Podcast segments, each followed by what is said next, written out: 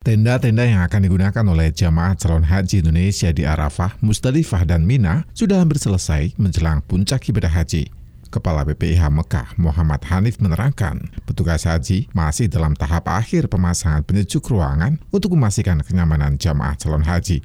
Hanif menerangkan, tenda jamaah haji Indonesia adalah jenis tenda semi permanen seluruh tenda yang dipasang adalah tenda baru sehingga dipastikan kuat dan tidak ada kerusakan. Uh, kemarin kita sudah melakukan peninjauan bersama kawan-kawan bahwa seluruh tenda sudah siap.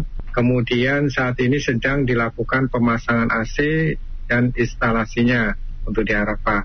Kemudian yang di Mina juga sudah uh, lebih siap lagi, di mana lantai-lantai tenda itu sudah uh, dipasang keramik terkait dengan tenda di Mina sendiri memang uh, sudah didesain uh, selama ini dengan tenda yang cukup kuat dan saat ini seluruh uh, kain tendanya diperbaharui sehingga uh, tidak ada lagi tenda yang uh, apa namanya kondisinya robek dan Hanif menambahkan menjelang puncak musim haji sebagian besar jamaah haji telah tiba di kota Mekah. Dua titik checkpoint diterapkan untuk jamaah yang akan masuk ke kota Mekah, baik dari kota Jeddah maupun kota Madinah. PPIH menargetkan pada tanggal 3 dan 4 Juli nanti seluruh jamaah Indonesia sudah tiba di kota suci Mekah.